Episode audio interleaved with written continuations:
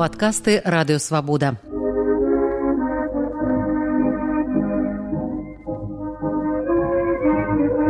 Сто гісторый пра БНР Сергеем шупам.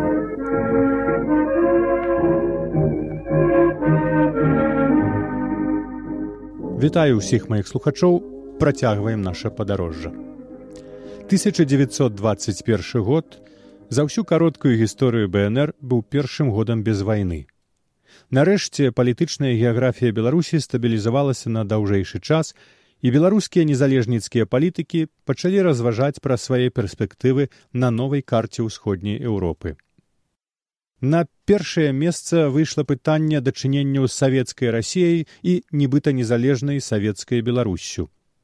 Перамовы ў гэтых пытаннях вяліся праз літоўскае пасярэдніцтва з кіраўніком савецкай місіі ў літве александром аксельродам той попрасіў удакладніць якую пазіцыю бнр займае ў дачыненні да бсср 25 студзеня 1921 вацлаў ластоўскі удакладняе лічачы што апавяшчэнне і ўстанаўленне беларускай савецкай рэспублікі ёсць адна са ступеней да поўнага здзяйснення незалежнасці і непадзельнасці беларусі Урад беларуска-народнай рэспублікі не толькі не мае на мэце вясці аружную ці іншую якую барацьбу з ёю, але наадварот будзе памагаць савецкай беларускай рэспубліцы як у справе адраджэння беларускага народу, так і ў справе поўнага здзяйснення незалежнасці і непадзельнасці беларусі.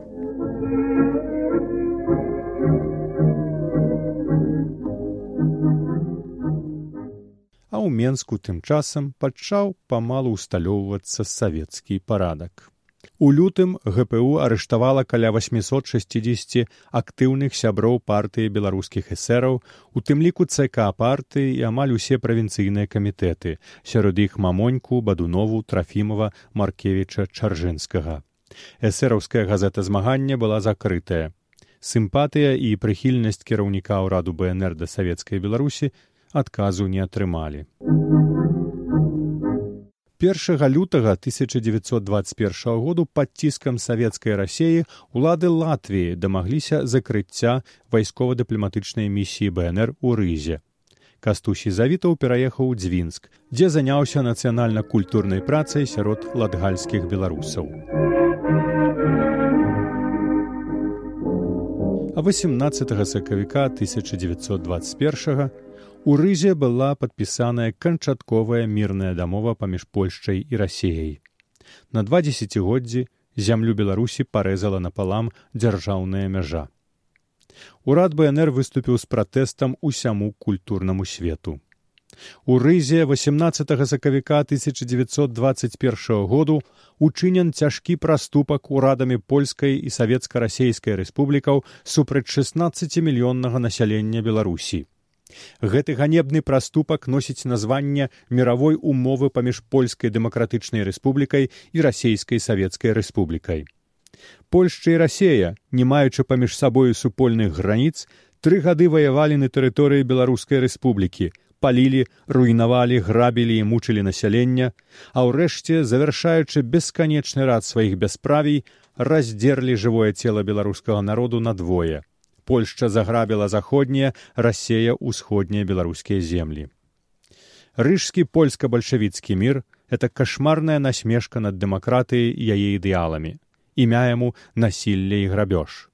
Урад бнр іменем беларускага народу заносіць самы гарачы пратэст перад усімі культурнымі дзяржавамі і народамі свету, шукаючы заступніцтва і справядлівасці і заяўляе першае мір разрываючы на часці жывы арганізм беларусі ніколі не будзе прызнаны беларускім народам. Другое. Супраць гвалту і паняволення беларускі народ бароўся і будзе бароцца да канца за сваю незалежнасць і непадзельнасць. Нас падзялілі хто? Чужаніцы цёмных дарог махляры. Адгукнуўся на гэтую падзею якуб колас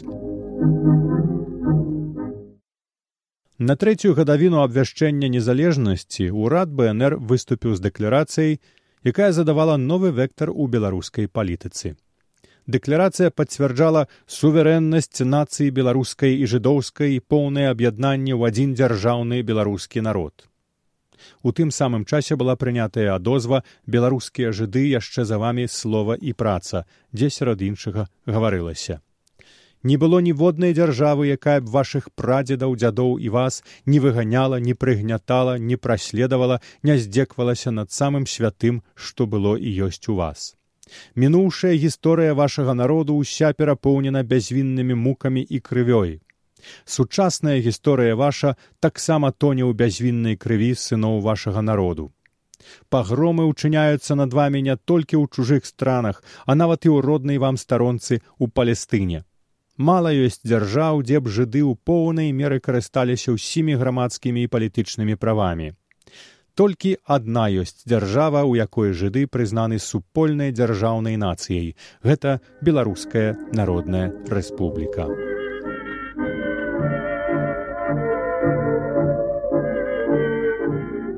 Найвышэйшая рада бнр працягвала сваё анабіёзнае існаванне ў вільні У сярэдзіне красавіка 1921 ў вільні з'яўляецца эксцэнтрычная постаць беларускай палітычнай сцэны палкоўнік Аўген ладноў, міністр замежных справаў БнР, кіраўнік беларускай дэлегацыі ў парыжы.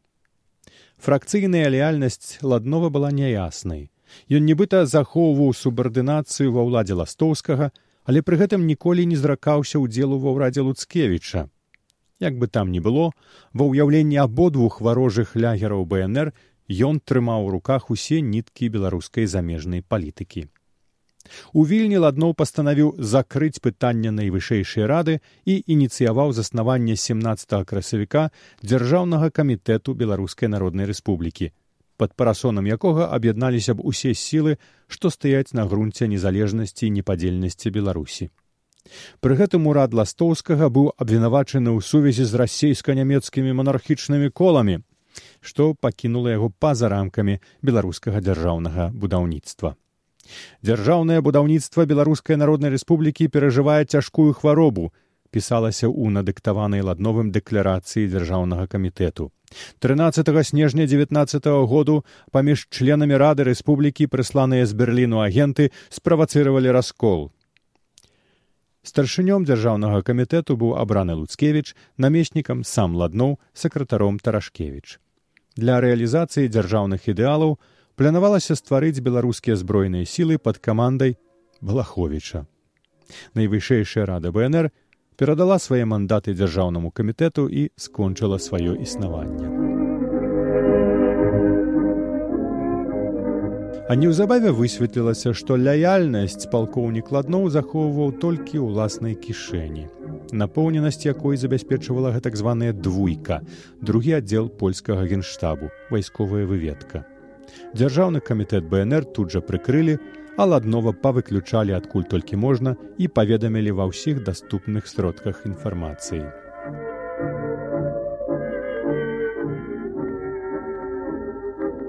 Яшчэ адна нерэалізаваная карта беларускай палітычнай геаграфіі абмяркоўвалася на польска-літоўскай канферэнцыі ў Брусселі ад красавіка да чэрвеня 21 году. У якасці вырашэння канфлікту бакам быў запрапанаваны праект, падрыхтаваны бельгійскім дыпламатам полем і мансам. Паводле яго спрэчныя тэрыторыі разам з вільняй перадаваліся б літве, але літва мелася б складацца з двух кантонаў ковенскага і віленскага з гарантыі польскіх уплываў у другім. Сваю дэлегацыю ў асобе Александра Цвікевіча паслаў Брусель і ўрад БНР. У адмысловай заяве ўрад выклаў сваю пазіцыю ў справе канферэнцыі. У выпадку, калі на літоўска-польскай канферэнцыі ў Бруселі будзе запрапанавана літве перадача беларускай землі да лініі рыска-польскай расійскай умовы, так званы другі польскі калідор, урад дае сваю згоду на прыём літвой гэтых зямель пад варункам, што этнаграфічна беларускія землі будуць выдзелены ў самаістую палітычную адзінку. Пазіцыі польскага і літоўскага боку што да праекту іманса вельмі моцна разышліся і справа нічым не скончылася. Аднак яшчэ і дагэтуль сярод літоўскіх гісторыкаў не сціхаюць спрэчкі, ці праект іманса не быў унікальным страчаным шансам захаваць вільню і пазбегнуць непатрэбнай канфрантацыі з польшчай, якая на два дзегоддзі ускладніла міжнароднае становішча літвы. Выслухалі падкаст радыёвабода. Усе падкасты свабоды ў інтэрнэце на адрасе свабода кропка орг. Штодня у любы час у любым месцы, калі зручна вам. Свабода кропка орг. Ваша свабода.